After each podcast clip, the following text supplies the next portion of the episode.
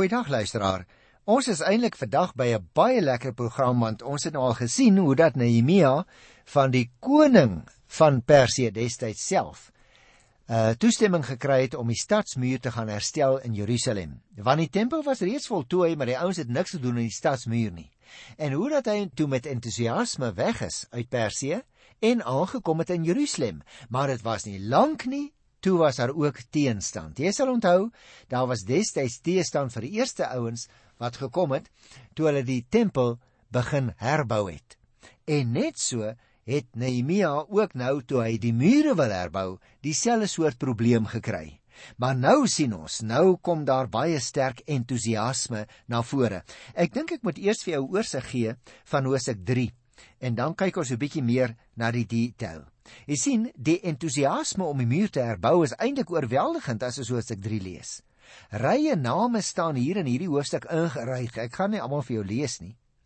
Om die samewerking uit te beeld.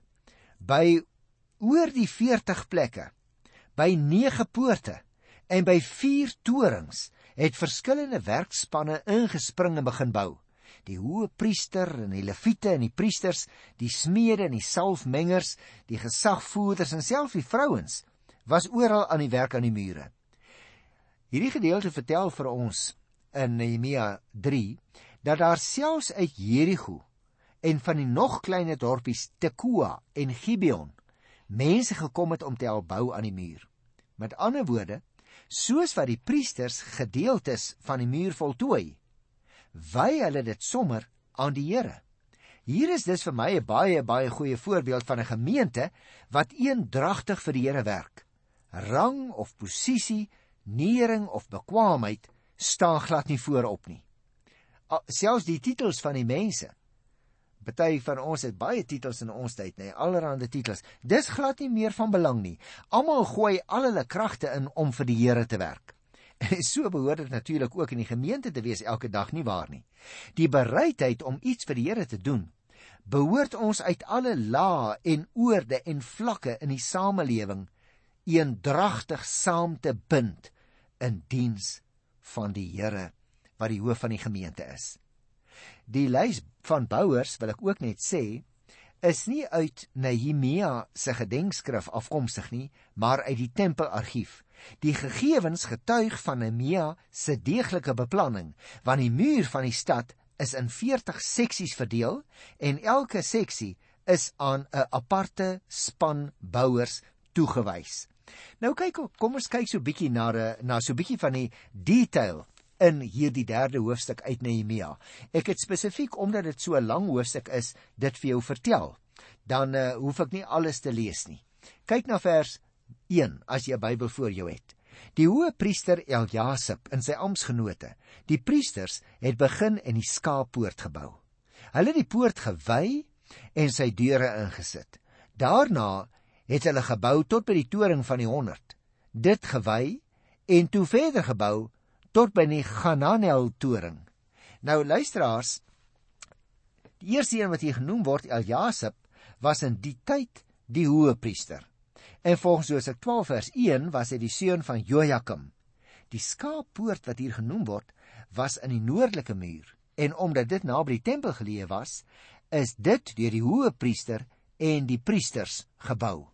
Die poort, naamlik die skaappoort, tussen hakies wil ek net vir jou sê, is so genoem omdat die skape vir die offerseremonie deur hierdie poort na die tempel toe gebring is, want dit was die uh, stadpoort wat die naaste was aan die tempelterrein. Nou aangesien die poort deel van die tempelterrein was, is dit aan die Here gewy, lees ons hier. So to, sodra hulle dus die uh, poort klaar herstel het, het hulle dit aan die Here gewy. Vervolgens het hulle die toring van die 100, soos dit genoem word, wat sy naam aan 'n militêre eenheid gekry het, en toe het hulle daarna die Gananel toring gebou. Luister na vers 2 en 3. Die manne van Jerigo het die volgende stuk gebou. En daar word gesê wie elke deel gebou het. Met ander woorde, tussen die twee torings en die vispoort het twee verskillende groepe manne gebou. Die manne van Jerigo en dan ook Sakker die seun van Imri se groep. Daar word ook gepraat van die vis uh, poort hier in die 3de vers. En miskien kan ek net daaroor 'n opmerking maak want dit is interessant. Onthou hier kry ons nou nie eintlik vis by Jerusalem nie.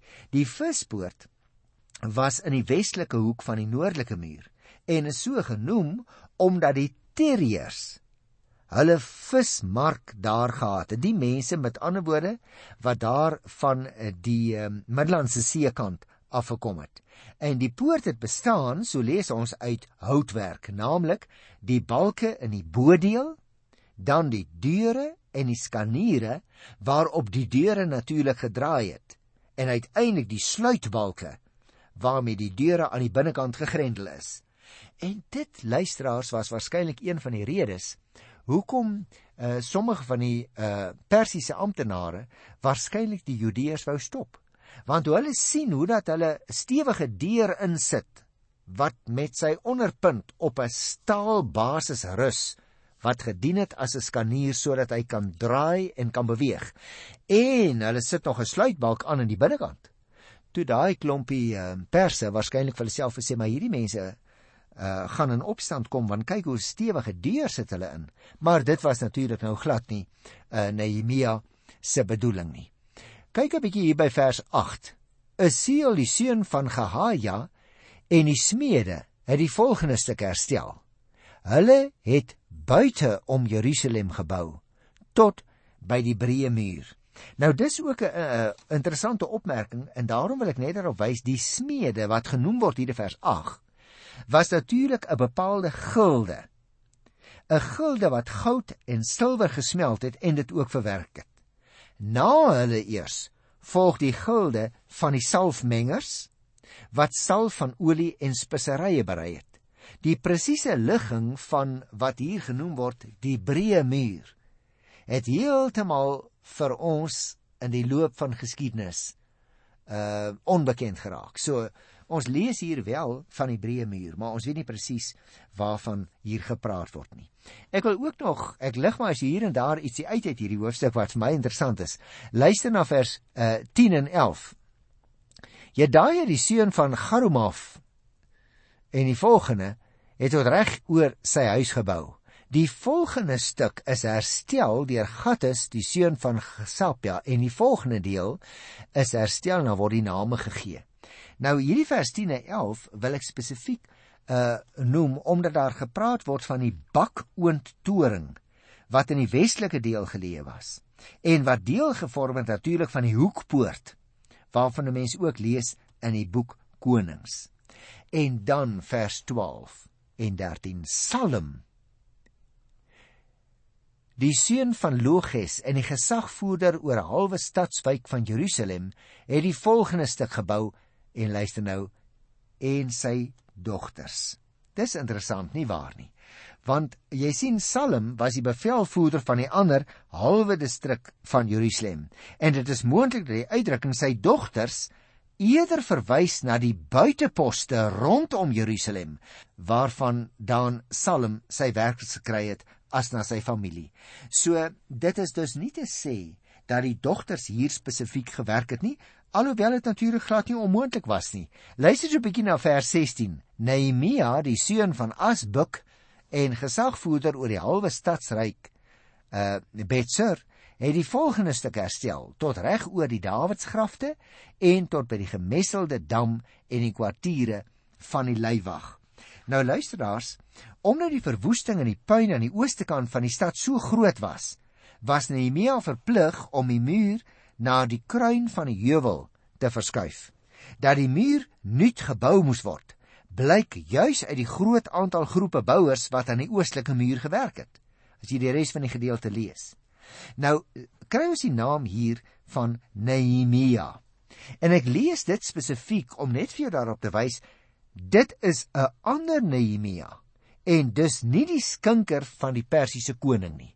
Hierdie Nehemia wat hier genoem word in vers 16 is dus nie die Nehemia boek uh se man nie. Dis iemand anders.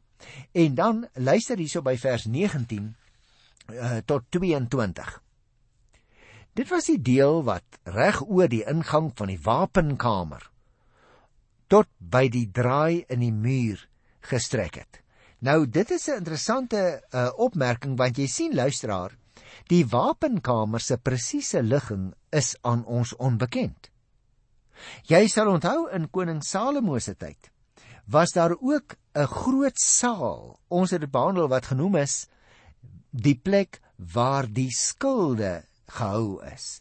Nou sal jy onthou Ek het toe gesê omdat die Bybel dit sê, daardie skilde, sommige van daardie skilde was van goud gemaak. En later in die geskiedenis is sommige van daardie skilde weggegee aan mense wat Jerusalem bedreig het en hulle is toe met gewone koperskilde vervang. Nou of dit dieselfde plek is wat hier die wapenkamer genoem word, dit weet ons nie. Uh en daarom het ek vir jou gesê die ligging van die wapenkamer is eintlik onbekend aan ons. Luister na vers 23 en 24. Die tweede deel is gebou deur Benjamin en Gassep. Reg oor hulle die derde deel gaan dit so aan. Die volgende stuk vers 24 is herstel en dan kry jy die manne se name. Maar dan gaan dit aan ook die toring teen die boonste paleis by die wagplein. En ek dink ons net 'n oomblik daarby stil staan, want jy sien, die priesters wat vir hierdie stukkie van die werk verantwoordelik was om die stuk muur reg oor hulle huise te bou. Na die deel van Asaria het daai twee ouens 'n tweede stuk gebou en die hoek waarna verwys word was moontlik 'n verhoogde deel van die muur. Nou luisteraars, hoekom is hierdie goed belangrik? Omdat met die verwoesting van Jerusalem in die jaar 586 toe dit voor die Babiloniërs geval het is die een groot voorwerp wat verlore gegaan het. Die ark van die verbond. En ek het al vir jou gesê die ark was hoogstens so groot soos 'n gemiddelde kombuistafel in ons tyd. En niemand weet wat van die ark geword het nie. Daar is sekere teorieë wat sê dat die ark weggevoer is na Babel. Maar die meeste teorieë dui in die rigting van heel waarskynlik die die ark onder die puin toe Jerusalem verwoes is. En dit is vir ons belangrik om dit te weet, want daar het 'n boek verskyn is, dit is om die waarheid te sê nou eintlik 'n herdruk van 'n ou boek met die naam van Blood on the Mountain. En jy kan gerus as jy daardie boek iewers in die hande sou kon kry, miskien by die biblioteek, is 'n dikkerige boek en is nogal klein geskrywe hoor. Maar daardie boek The Blood on the Mountain handel oor die moontlike geskiedenis van die ark en waar die ark vir die laaste keer vermeld word. Daarom is dit van soveel belang dat ons 'n bietjie in detail gekyk het na wat die verskillende plekke behels wat herbou is want die hoektorings en die stukke van die muur gee moontlik aanduiding van wat van die ark kon geword het. Maar nou ja, ek wil nou nie daaroor met jou spekuleer nie. Ek het net sekere gedeeltes wat in die verband soms in boeke genoem word vir jou uitgewys. Ek wil 'n paar opmerkings maak voordat ons afsluit vir vandag oor samehorigheid en eendragtige optrede.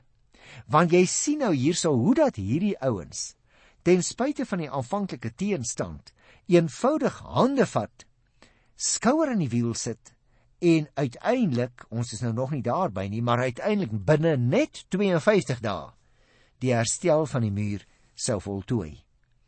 Nou in die boek Nehemia staan die spontane en die eendragtige optrede van die gemeenskap prominent voorop in die verhaal.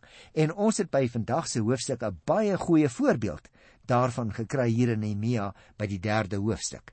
Leiers, luisteraars, leiers soos Nehemia en Esra speel natuurlik 'n belangrike rol, maar dit is uiteindelik die gemeenskap van gelowiges wat saam staan en die werk voltooi.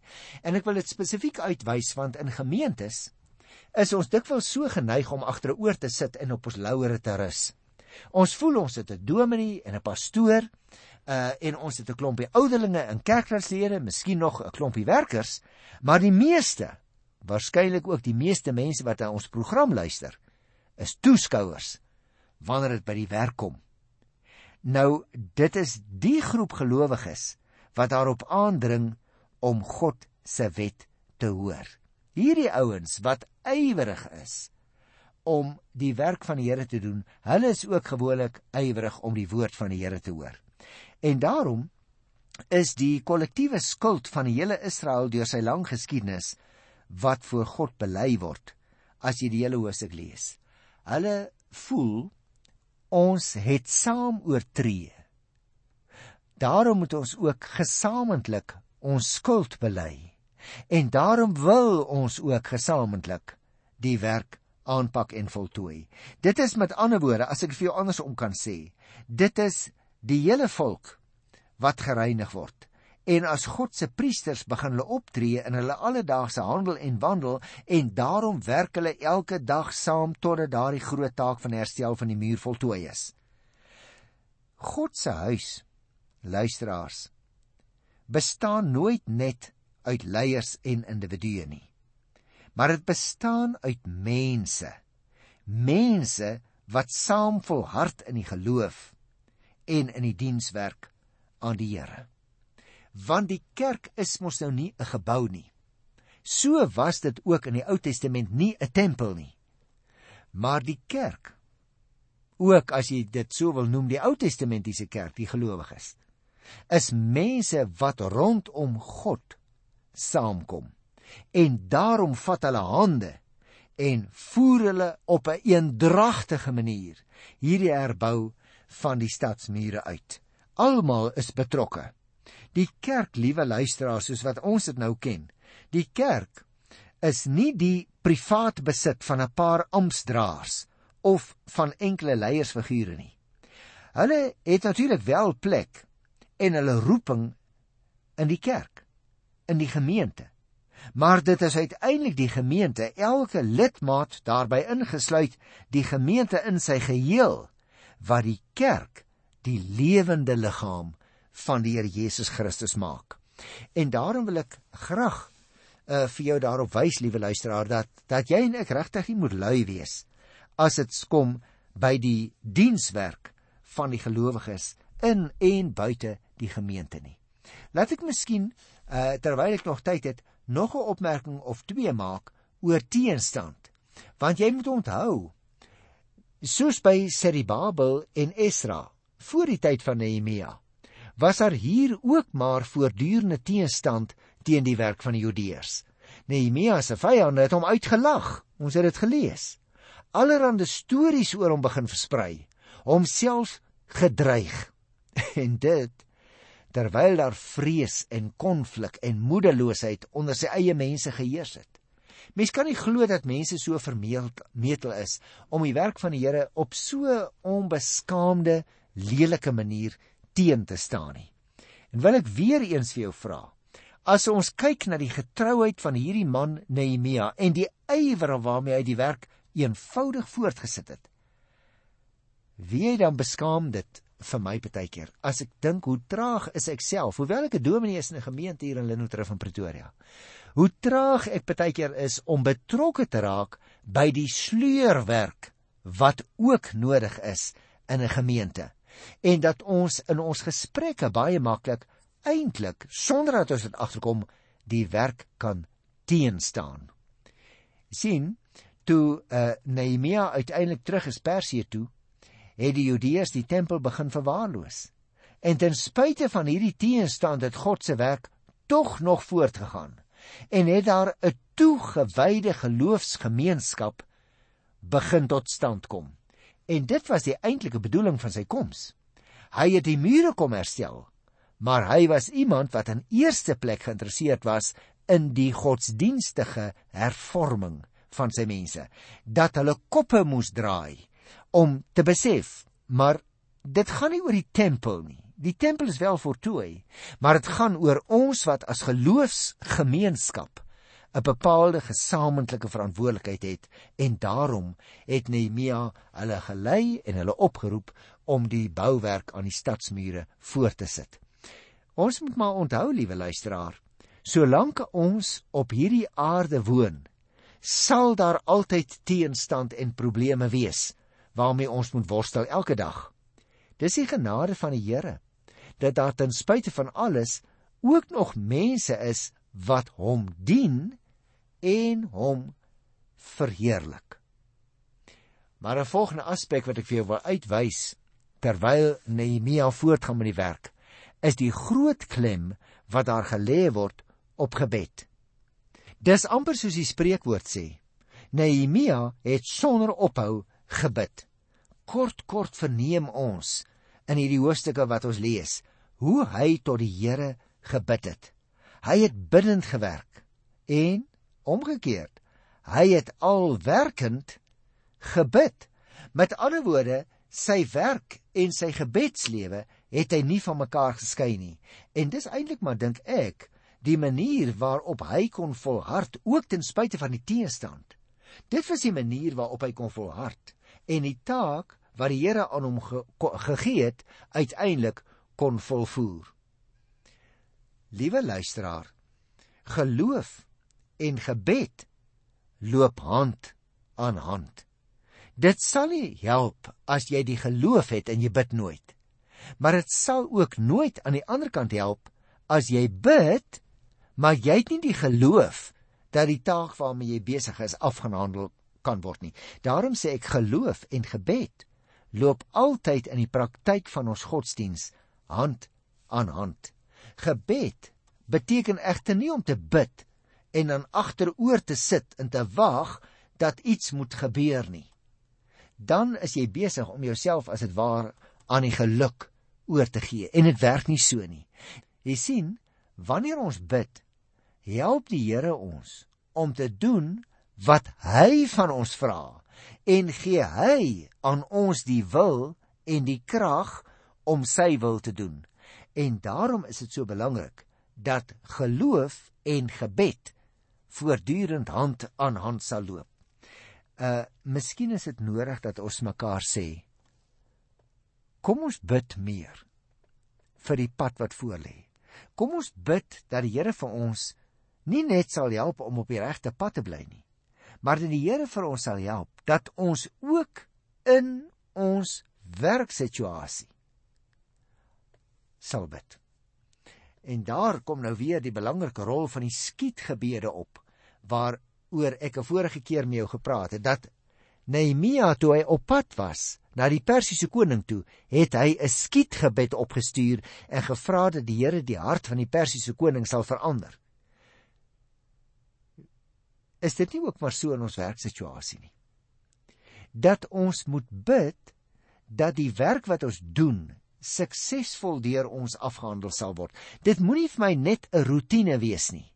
Dit is die plek waar die Here my toe geplaas het om my dagtaak te volvoer nie waar nie. En daarom moet ek ook bid vir die Here se seën oor die dagtaak waarmee ek besig is. Elke nuwe oggend wanneer ek opstaan. Ek wil dus graag afsluit, liewe luisteraar, deur 'n opmerking te maak oor hierdie gedagte van die huis van God. Want hierdie mense moet ons onthou, bou die stadsmure. Maar die huis van God, wat daarvan?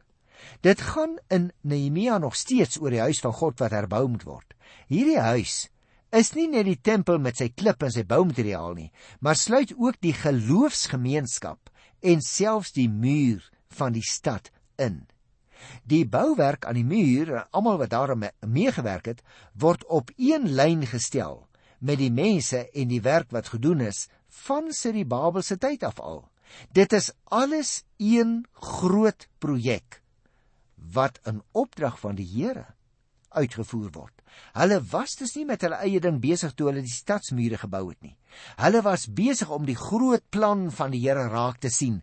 En wie met jou en met my is dit ook dikwels so, ons verloor ons perspektief op die groot saak waarmee ons besig is, naamlik om die geestelike huis van God wat bestaan uit gelowiges in hierdie wêreld te bou. En dit is hoekom ons so ywerig moet wees om enkele individue ook in te skakel in die geestelike bouwerk. En tog is dit nie al nie.